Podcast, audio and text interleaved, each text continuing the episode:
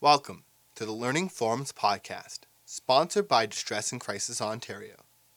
Learning Forums offers programs specifically designed for DCO member organizations. This podcast is meant to inform, educate, and support your work. Enjoy the program, and we welcome your comments and feedback at learningforums.ca slash contact with the subject podcast.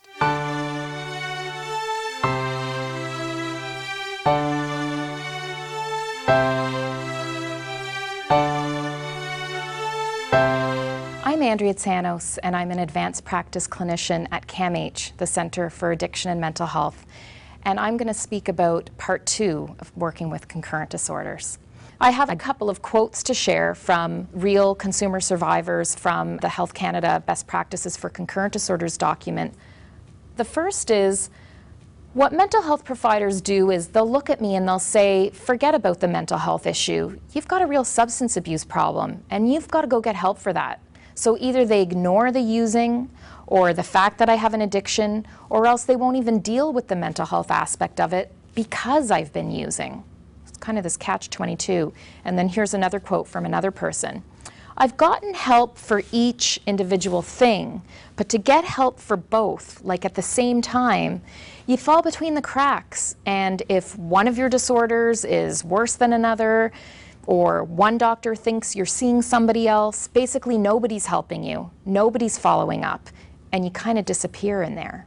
So that's a real eloquent way of talking about the fragmented care that exists for people with concurrent disorders and that that phenomenon of falling between the cracks, um, falling into a, a, black hole, not getting the help that uh, people so desperately need. I'd like to just take a moment and look at um, some of the attitudes that helpers bring um, to, to their role as helper. And some of it, it's important for us, I'm really encouraging you to take an inventory, to reflect on your own attitudes, values, and beliefs about working with people with concurrent disorders. We all have them.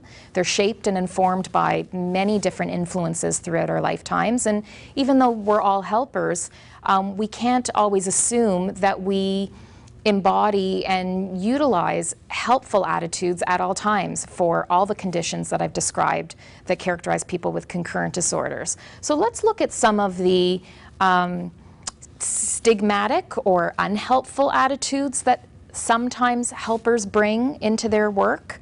Um, and then I'll talk about what the more optimal or the more helpful attitudes are to bring to your work so that you can optimize your helping response with callers in distress.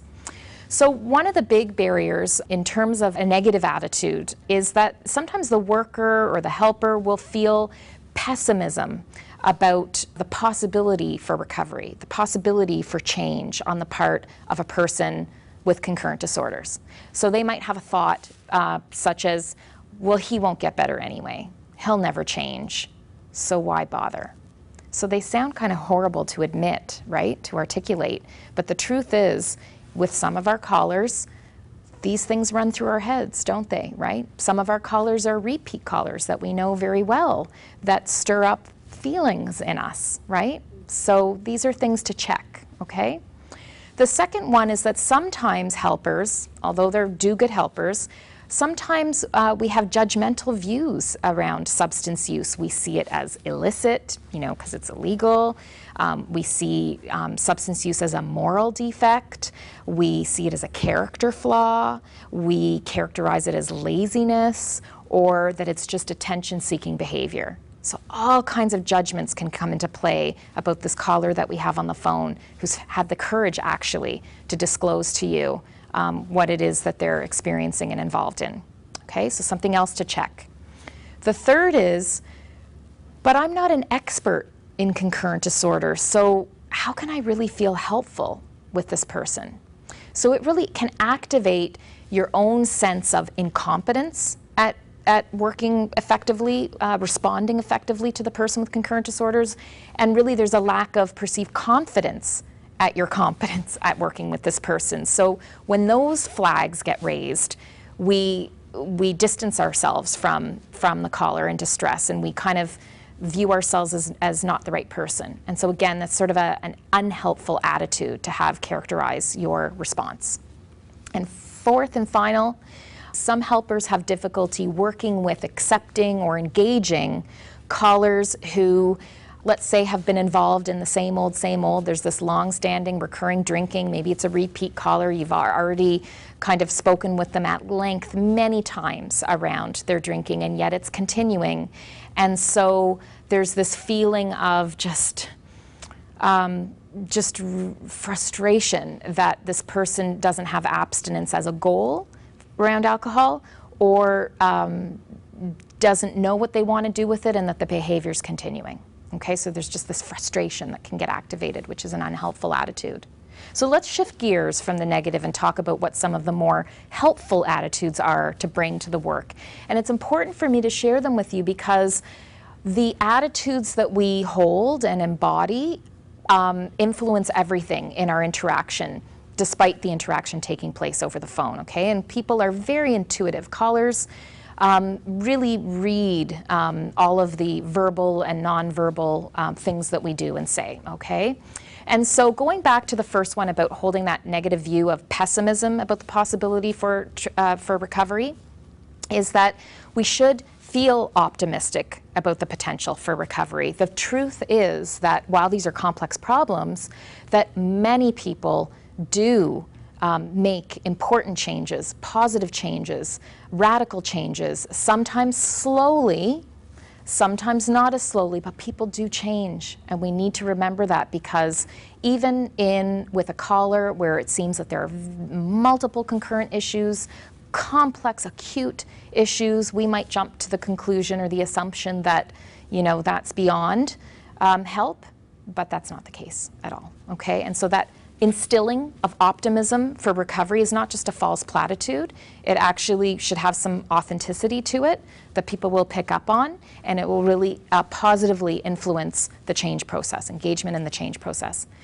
And so instead of feeling judgmental about, you know, their situation, their behavior, their substance use, to think about being non-judgmental, to make it, you know, a point of being non-judgmental, being respectful, being compassionate, being empathetic, all of those good things, those fundamental kind of counseling ingredients. And you know, the counter to the person who says, "But I'm not an expert in concurrent disorders. So I feel out of my waters, you know, dealing with this person who's struggling and in distress around concurrent disorders." We would say you don't have to be an expert. You're not delivering treatment. There are qualified people who can do this work, but what you can do is be concurrent disorders informed to bring that concurrent disorders informed perspective um, to your response with the caller and to link to, to treatment or make suggestions there. And so finally, the counter to the person who's holding negative attitudes um, that the person that the caller um, isn't work doesn't have a, a, goal of abstinence with regard to their substance use really to shift and to broaden and to remember this isn't your situation this is the caller and how he or she sees their own situation and to think about a more broad and inclusive approach harm reduction. Okay, so for some people, it's reducing the harms associated with ongoing use, if there is ongoing use. Might not be abstinence. Harm reduction actually includes abstinence as a goal. Many people don't recognize that. It can include abstinence, but it also has lots of space to work on reduction, and that may be what the client wants and may be good enough in reducing the harms. So, in terms of understanding the models um, for the evidence-based models for working with people with concurrent disorders, just to understand what goes on um, in the counseling and treatment world, there really were these old models that um, our consumers had. I shared the quotes um, this experience of being shuffled back and forth between the addiction treatment system and the mental health treatment system. There are two old models that have been in play. One is called the sequential model. Go take care of your alcohol problem first, and once you're sober and abstinent and you've sustained that for X amount of time, then you'll meet criteria to come into treatment for your depression. So that's a sequential model. Do this first and then and then do this. The second old model is that of the parallel treatment approach. So um, you might go to um, an alcohol treatment center, might go in for a 21-day, you know, intensive residential treatment experience, and um, at the same time be experiencing some individual counseling sessions that are focused on the depression or the anxiety. So you're kind of getting two targeted treatments at the same time, but perhaps um, not by the same provider and even not in the same program or not the same place. Okay, so that's sort of like a shared model. Not the worst model, but not the most optimal model. What is a more optimal model? The third one, which is evidence based, and that's called an integrated treatment model, an integrated approach that really gives time and attention and consideration to both the substance use and the mental health issues at the same time. And to add to that, it's optimal when integrated treatment happens um, from a single provider in the same setting. Um, where there's communication and coordination, and it feels like there's a consistent treatment plan that's being delivered rather than this happening over here and that happening over there, and these parties never even talking to each other, and giving clients contradictory messages and, and those kinds of things.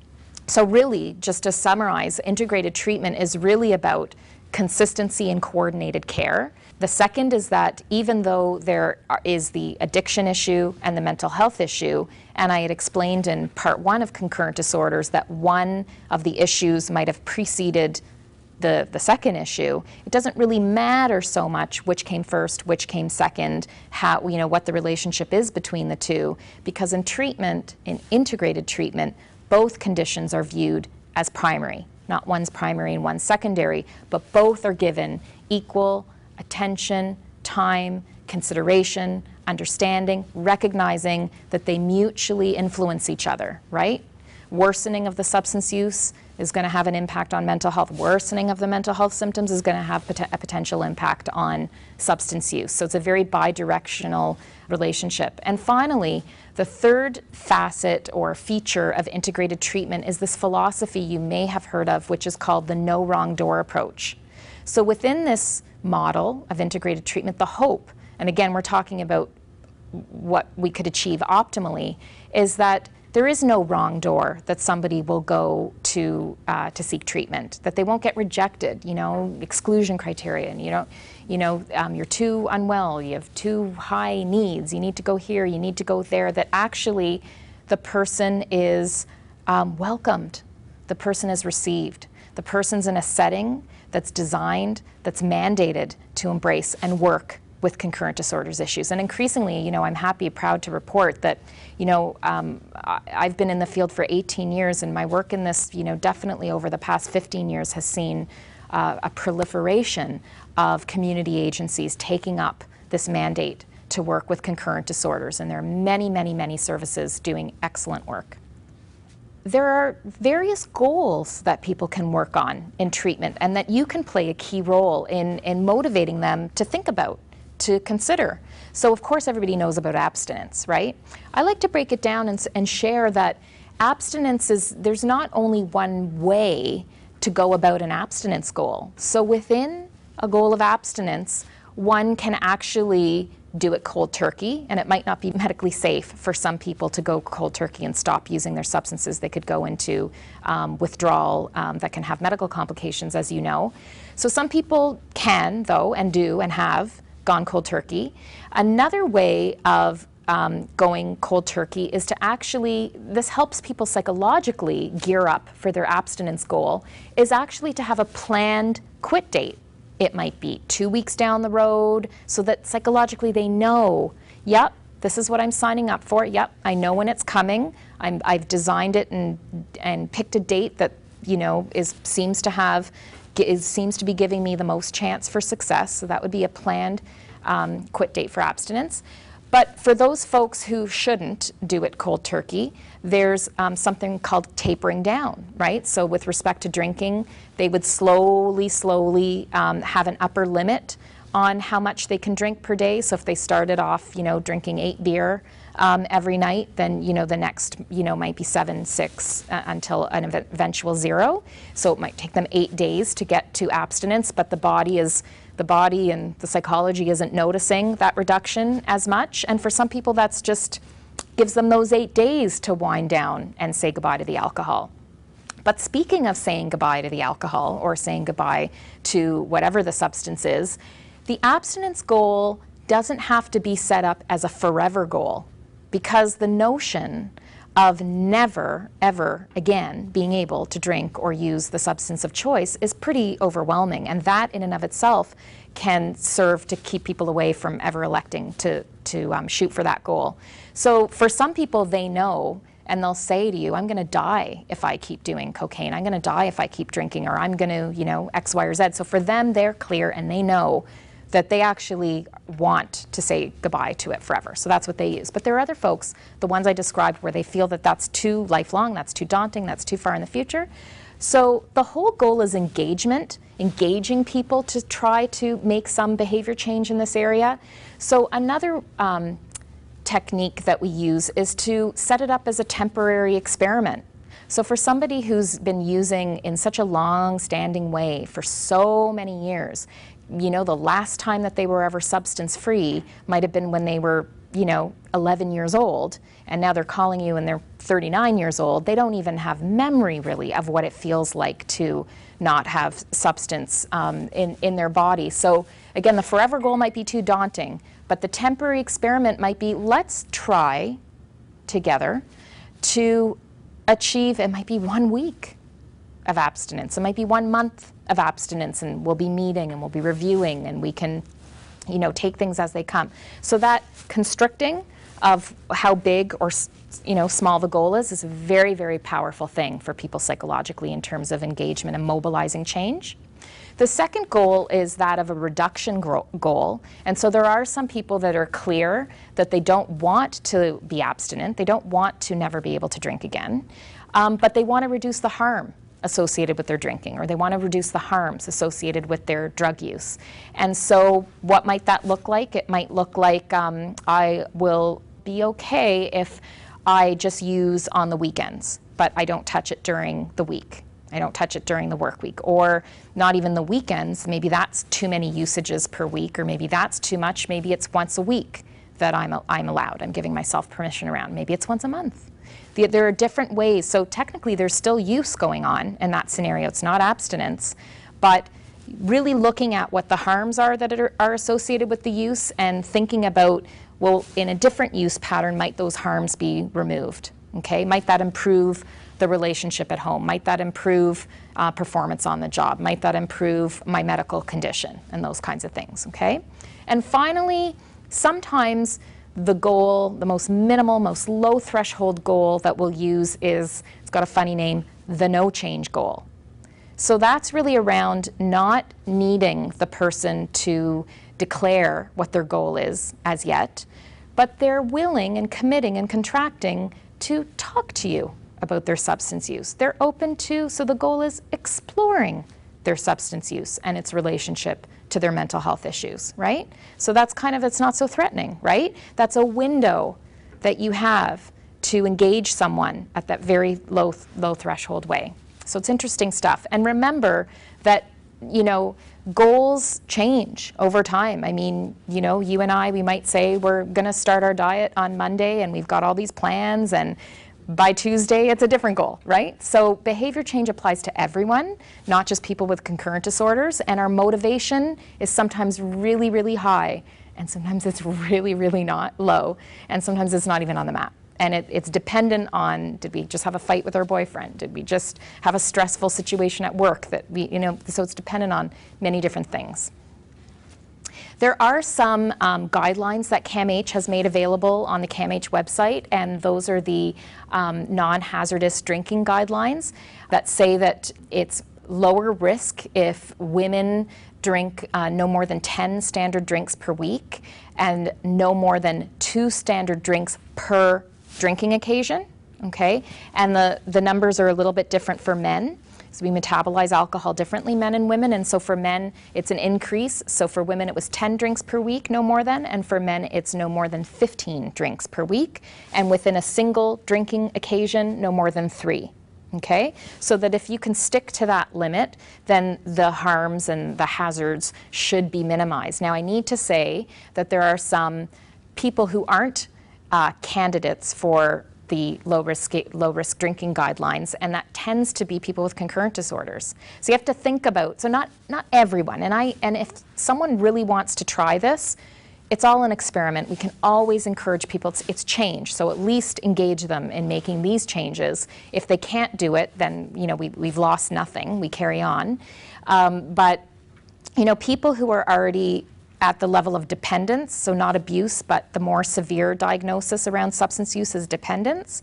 People with dependence already have a loss of control with respect to their substance use, and so to be able to set these limits, honor these limits, you know, stick to these limits, not so easy. But, but some people with concurrent disorders can. So um, we can't generalize, you know, to everyone. There are some red flags for you to think about as you're working and talking with people with concurrent disorders over the phone.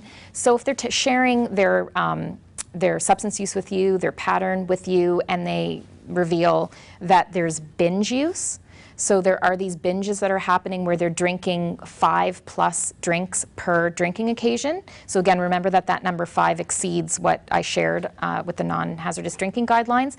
That constitutes a binge, and binges can be associated with problematic drinking. Okay, so that's one flag. The second is does the person drink or use alone?